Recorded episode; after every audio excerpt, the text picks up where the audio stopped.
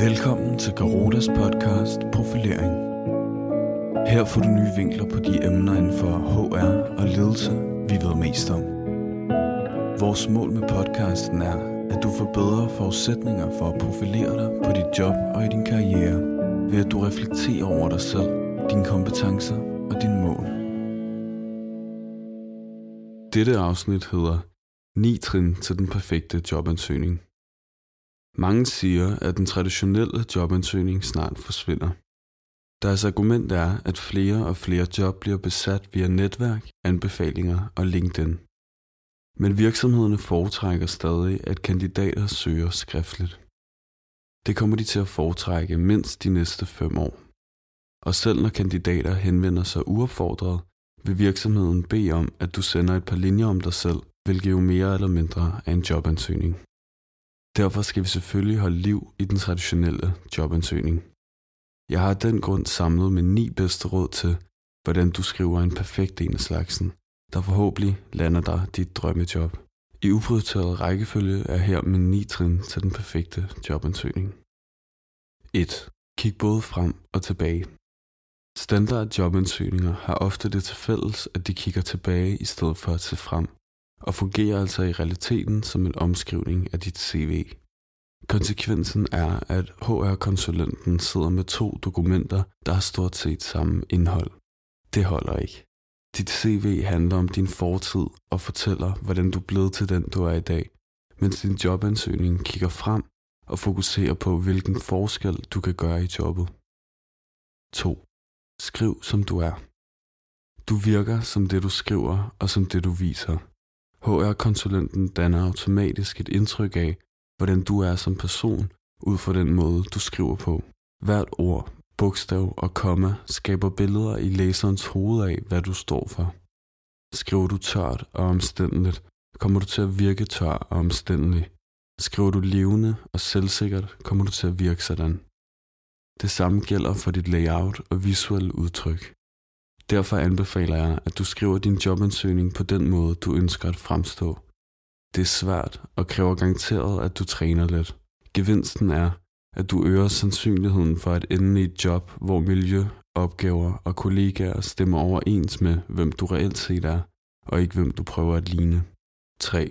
Skab identifikation.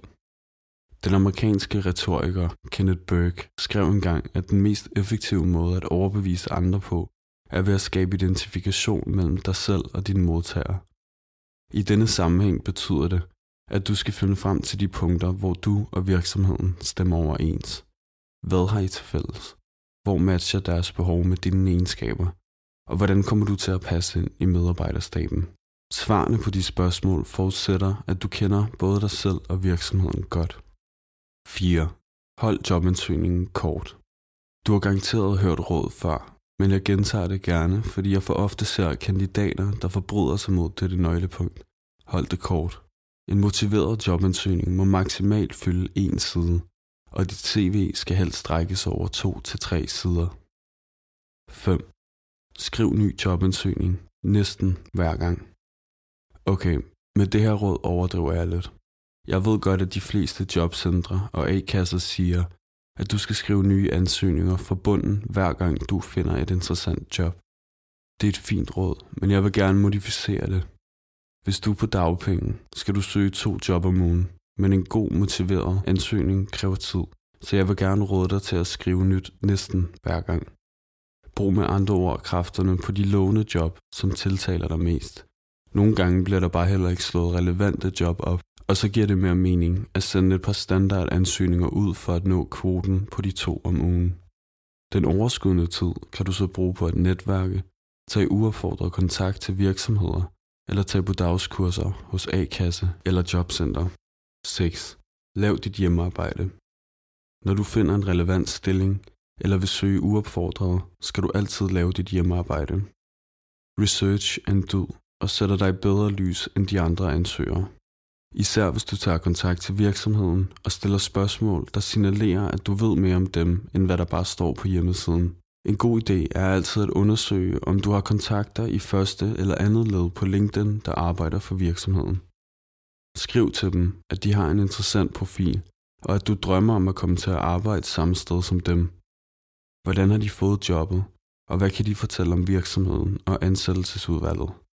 Tilføjer du, at du gerne giver en kop kaffe, så vil de færreste takke nej. 7. Kend din modtager. Dette råd ligger i tråd med det foregående, men adskiller sig ved, at du skal bruge din research i dit skrivearbejde. Det er hensynet til modtageren, der bør diktere alle dine valg og fravalg. En måde at komme langt med dette råd på, er ved at fokusere på jer og I, frem for mig og jeg i din tekst. 8. Konkretiser dine kompetencer. En del, især akademikere, har svært ved at konkretisere deres kompetencer, men det er strengt nødvendigt, hvis du vil fange HR-konsulentens opmærksomhed. Et forslag er, at du knytter dine kompetencer sammen med konkrete fortællinger eller eksempler på, hvordan du kan bruge din viden og erfaringer i jobbet.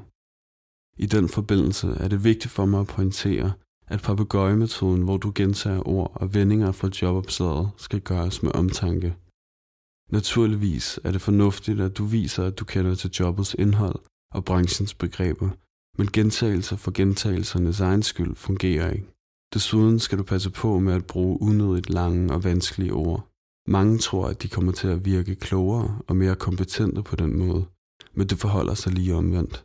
Psykologiprofessoren Daniel M. Oppenheimer fra Princeton University fandt ud af, at hvis du ønsker at blive opfattet som troværdig og intelligent, skal du ikke bruge et komplekst sprog, hvis du kan sige det samme med enklere og kortere ord.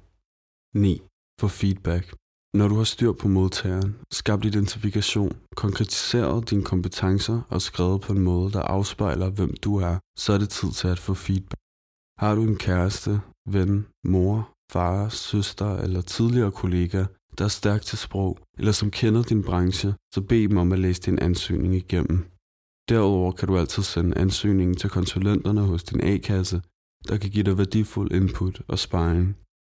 Og så skulle du være klar til at sende den afsted og forberede dig på jobsamtalen. Jeg håber, du kan bruge min 9 trin til at lande dit drømmejob. Hvis du vil have flere gode tips og tricks til jobansøgning, kan jeg anbefale Sten Kremer Rasmussens glimrende bog Hit med jobbet. Efter du har hørt dette afsnit af profilering, kan du reflektere over disse tre spørgsmål. Hvordan griber du din jobansøgning anderledes an fremover? Hvilke af de ni råd foretrækker du at fokusere på? Og hvor søger du hjælp og sparring? Tak fordi du lyttede til dette afsnit af podcasten Profilering fra Garuda. Hvis du vil have mere viden om HR og ledelse, så lyt med næste gang. Eller besøg vores blog Profil på garuda.dk. Vi høres ved.